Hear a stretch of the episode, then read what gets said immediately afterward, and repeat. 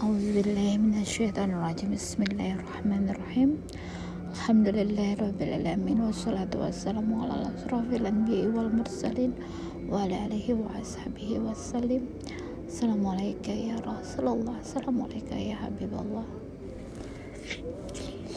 Alhamdulillah sahabat filantil zina Assalamualaikum warahmatullahi wabarakatuh. Meneladani dari kisahnya Nabi Ibrahim alaihissalam beserta keluarganya.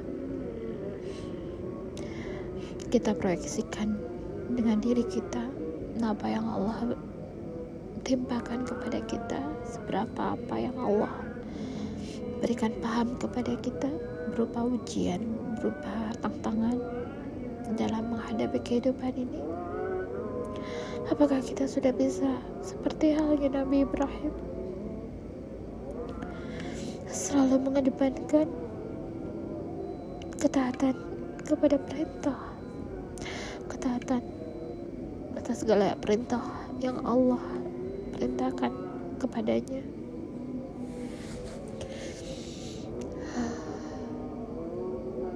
Bagaimana Nabi Ibrahim alaihissalam? Seperti halnya saat kita menerima perintah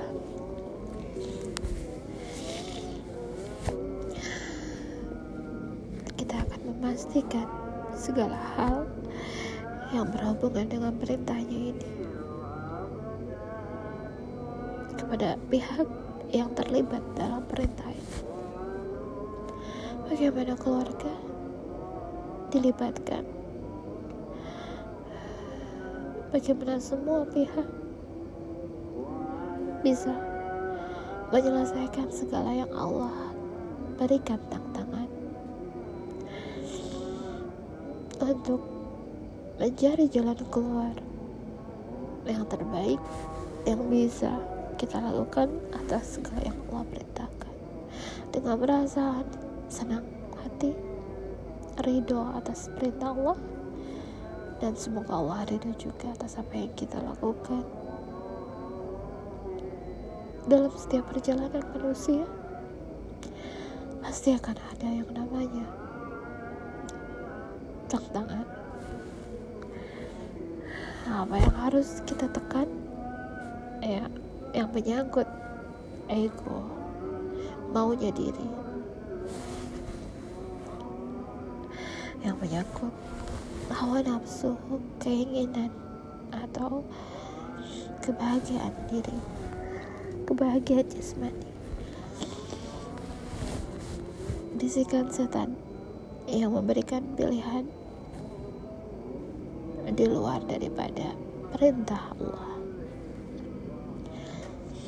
Bagaimana kita bisa membuang semua itu untuk secara benar-benar memikirkan melakukan apa yang Allah perintahkan kepada kita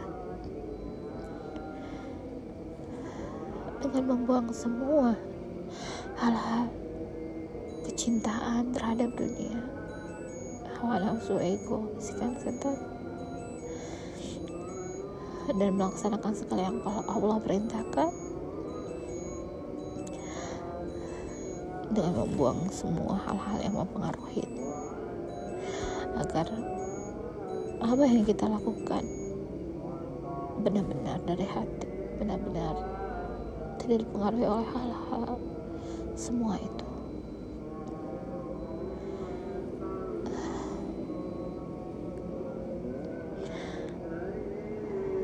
Musuh terbesar adalah diri kita sendiri.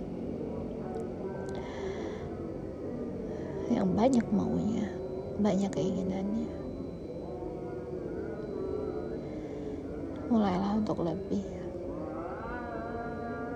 membuang